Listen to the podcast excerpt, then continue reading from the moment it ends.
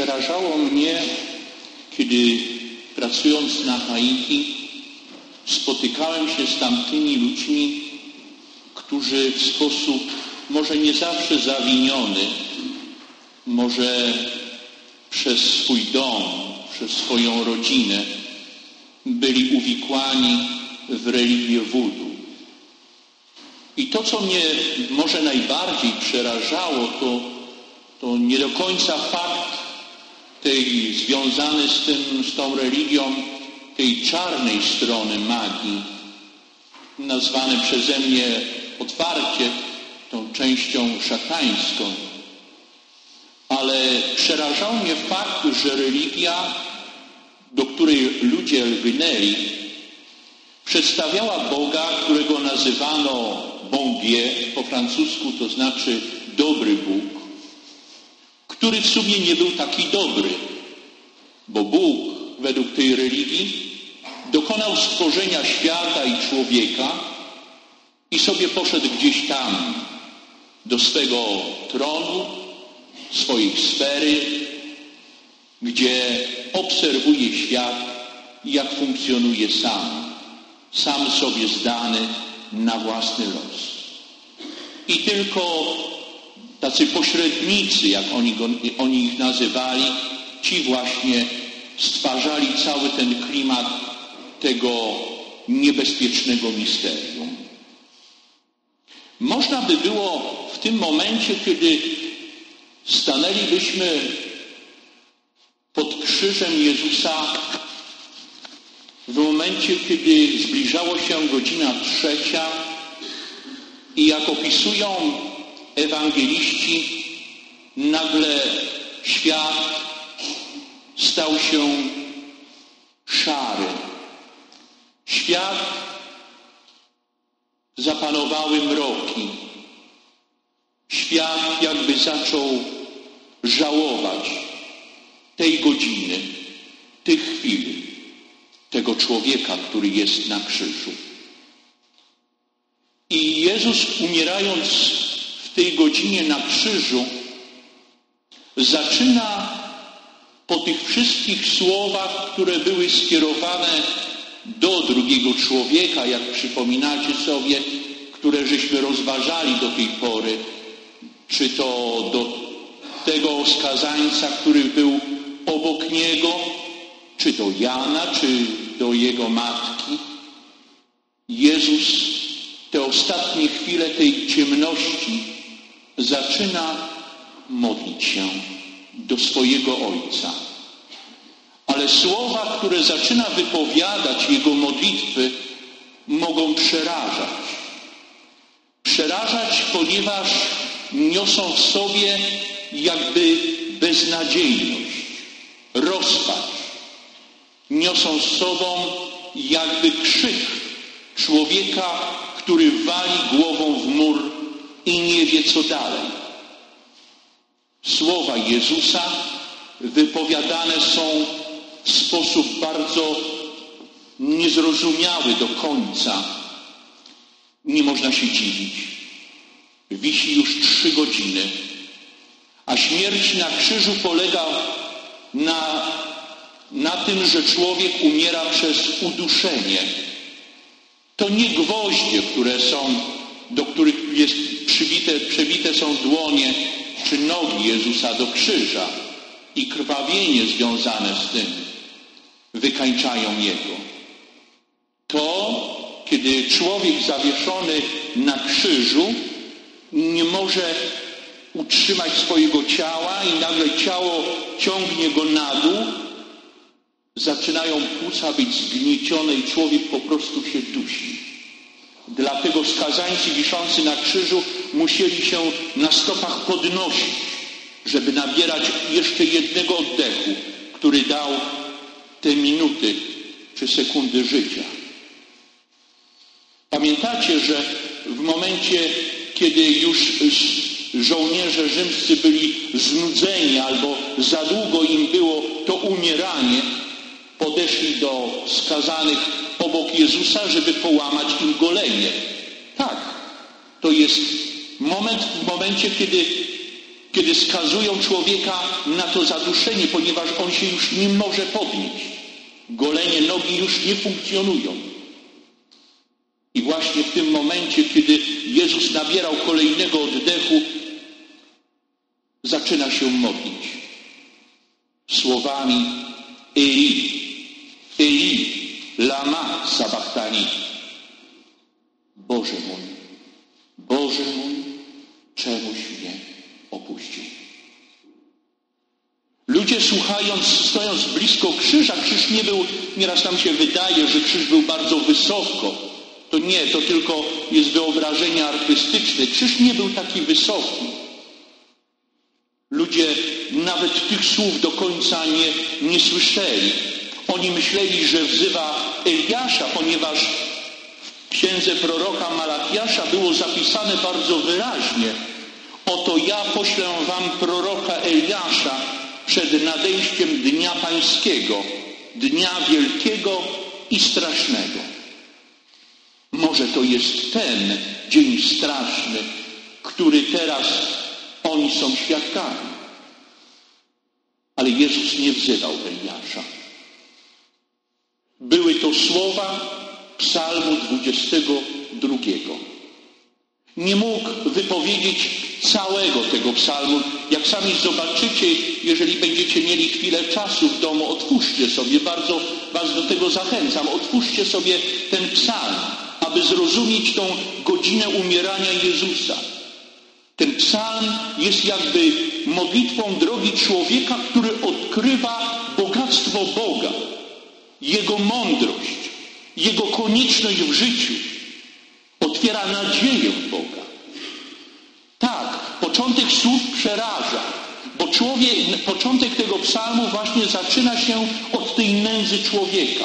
Od tego momentu, kiedy człowiek może liczy bardziej na siebie, na własne siły, na własną zdolność, inteligencję, bystrość, może spryt, może się uda, ale się nie uda. Człowiek w pewnym momencie łapie się sam w swoją pułapkę. Zostaje sam w przerażeniu. I to jest początek tego psalmu. W momencie, kiedy człowiek odkrywa, że potrzebuje tej Bożej pomocy, w tym momencie, w tym psalmie zaczyna się modlić autor tego psalmu Mocy moja, spiesz mi na ratunek. Tak, zmienia się tonacja tej modlitwy. Ja sobie nie daję rady, ale w Tobie jest nadzieja. Otwiera się ten człowiek, ten modlący się tym psalmem na Boga i mówi, tak ja wiem, że istniejesz. I Ty jesteś Bogiem, który mnie kocha. Bogiem, który może wszystko. Te słowa tego, tego psalmu zaczynają człowieka otwierać na wielką tajemnicę, jakim jest Bóg. Nie ten z, z religii wudu gdzieś tam w swoich sferach niedostępny. Nie, ten Bóg tak bardzo blisko. A ludzie nauczą się, czy my nauczymy się przez obecność Jezusa Chrystusa, że jest naprawdę bardzo blisko. I koniec tego psalmu kończy się modlitwą, bo on nie wzgardził ani się nie brzydził nędzą biedaka.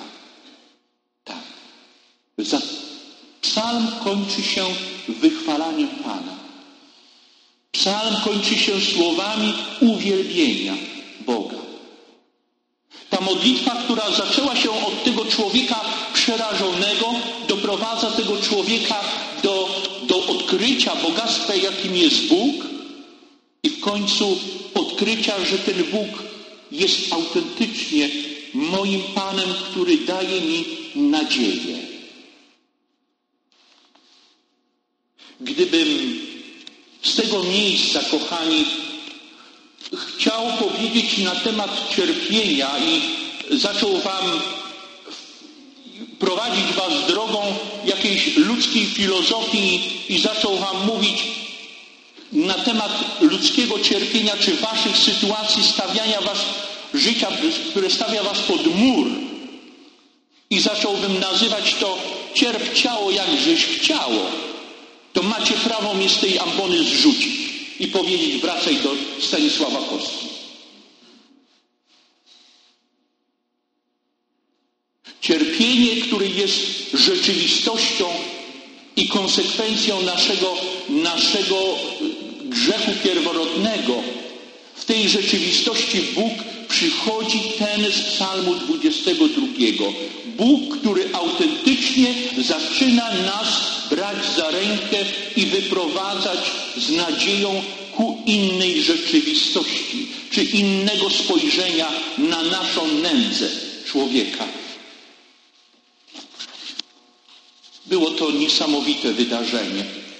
15 września 1986 roku w Los Angeles zgromadzone w amfiteatrze 6 tysięcy ludzi.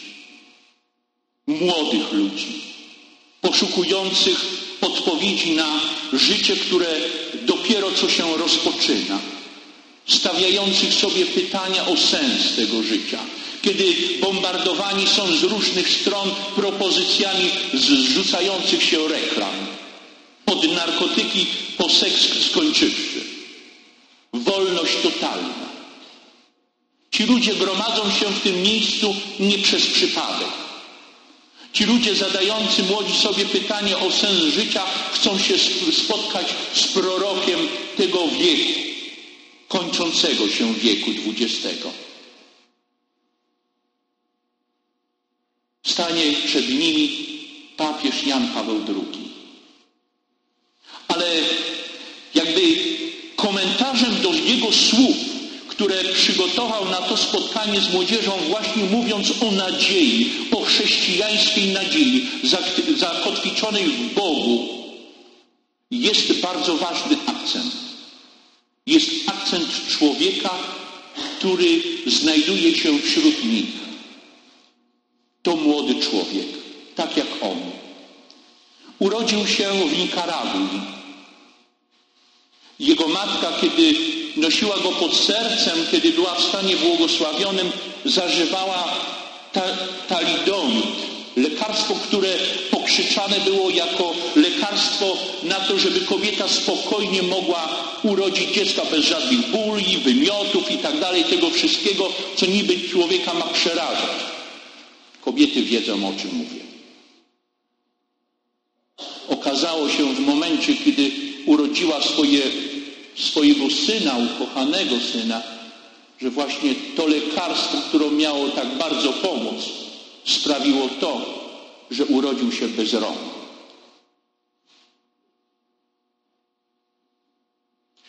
Rodzina zrzuciła się, poszukali trochę pieniędzy, bo jeszcze miał problemy z nogami Trzeba było ratować, chociaż przynajmniej, chociaż przynajmniej tak, dać mu jakąś nadzieję, może będzie inaczej. I wysłano matkę do Ameryki, do Stanów Zjednoczonych. Zamieszkali w Los Angeles.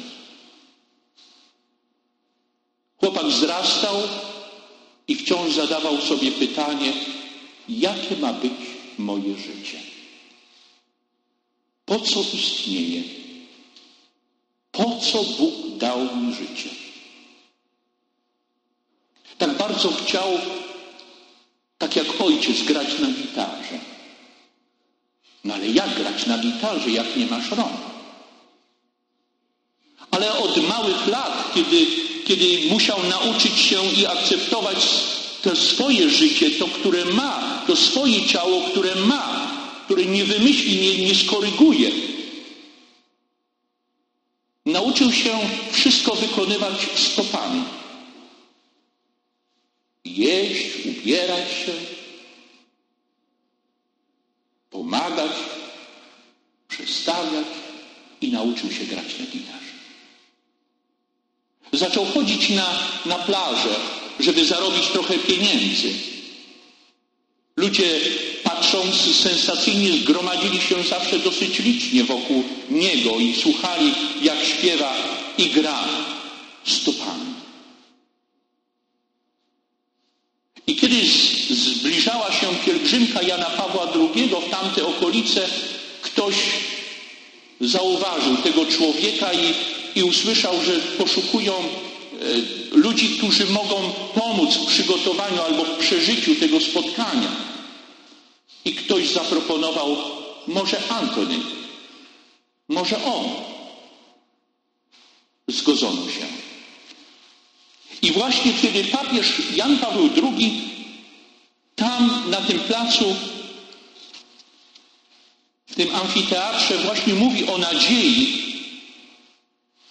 cudownym komentarzem jest ten człowiek, grający stopami i śpiewający przepięknym głosem swoim treść piosenki Jeszcze nigdy nie było takiego dnia jak dziś.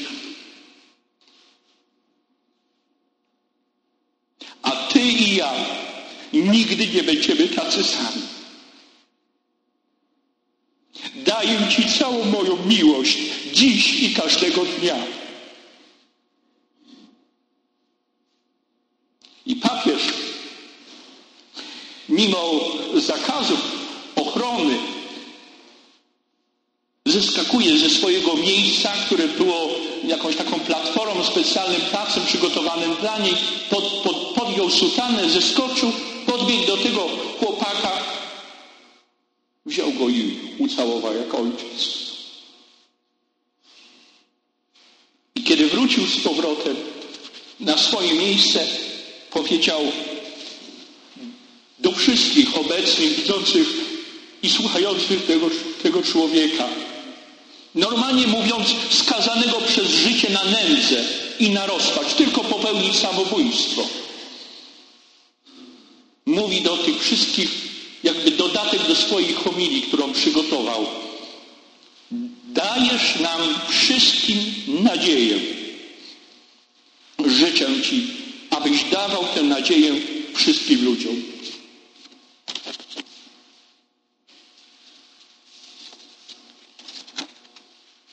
kiedy na placu Świętego Piotra 30 kwietnia 2000 roku papież ogłasza naszą rodaczkę Faustynę Kowalską świętą. Mówi homilii takie słowa. Nie jest łatwo miłować miłością głęboką, która polega na autentycznym składaniu daru z siebie tej miłości można nauczyć się jedynie wnikając w tajemnicę miłości Boga, wpatrując się w Niego, jednocząc się z Jego ojcowskim sercem. Stajemy się zdolni patrzeć na braci nowymi oczyma, w postawie bezinteresowności i solidarności, hojności i przebaczenia tym wszystkim jest właśnie miłosierdzie. Miłosierdzie Boga jest drogą, której odkrywamy tajemnicę nadziei. Nie tej nadziei z plakatów i krzyczących reklam. Nadziei, której nie da nikt, tylko Bóg miłosierny. Ona o tym wiedziała ona z nim się spotykała. Urodziła się w ubogiej, licznej rodzinie. Skończyła tylko trzy klasy. Od 16 roku życia zaczęła pracować, żeby, żeby pomóc rodzicom. Było ich dziesięcioro w domu, trzeba było pomóc. I patrzcie, kochani, jak Bóg jak Bóg takiego człowieka potrafi, przepraszam za słowo, wykorzystać, czy uczynić swoim narzędziem niesamowitości.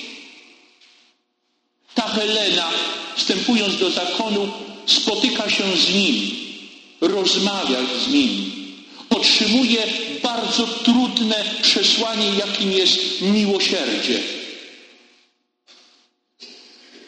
I ona pisząc te słowa. Dziewczyna kończąca tylko trzy klasy. Dzisiaj jej dzienniczek jest cytowany na całym świecie. Czytany jest na całym świecie.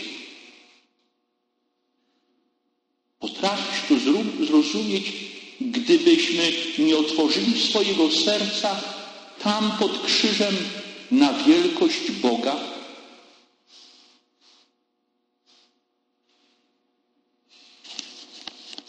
Nic nie może tak umocnić naszej wiary. Czytamy w katechizmie Kościoła katolickiego i naszej nadziei, jak głębokie przekonanie, wyryte w naszych duszach, że dla Boga nie ma nic niemożliwego. Jeśli masz rozum, przyjmie myśl o Bożej wszechmocy.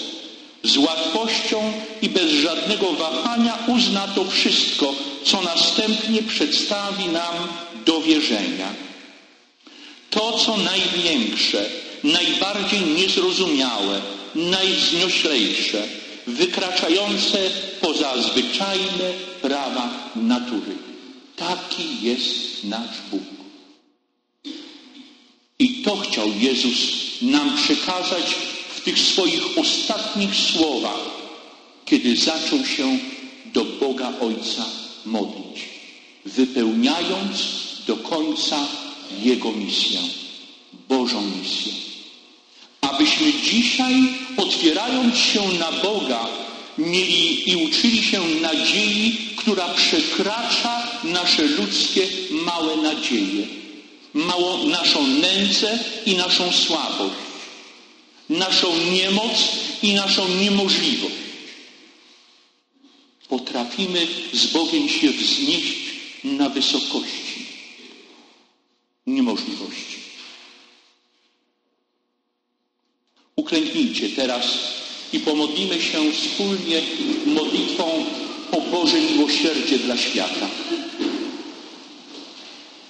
Szczególnie teraz, kiedy nieustannie media zaczynają nas straszyć właśnie wojną, kolejną wojną na tym świecie. Prośmy Boga o Jego miłosierdzie nad nami, nad tymi, którzy rządzą tym światem, decydują i myślą, że są panami tego świata. O Boże wielkiego miłosierdzia, dobroci nieskończona, oto dziś cała ludzkość woła z otchłani nędzy swojej do miłosierdzia Twego, do litości Twojej. O Boże, woła potężnym swym głosem nędzy.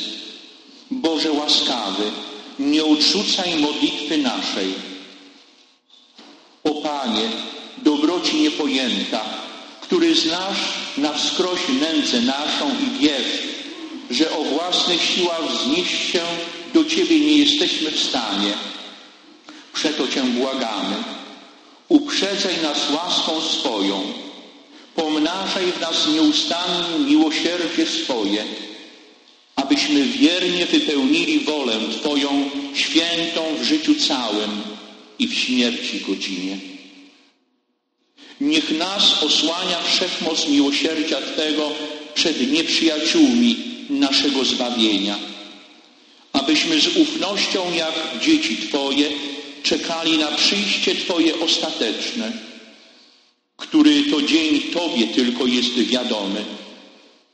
I spodziewamy się, że otrzymamy wszystko, co nam jest obiecane przez Jezusa pomimo całej nędzy naszej, bo Jezus jest ufnością naszą. Przez Jego miłosierdzie i Jego serce przechodzimy jak przez otwartą bramę do nieba. Jezu, ufam Tobie. Jezu, ufam Tobie. Jezu, ufam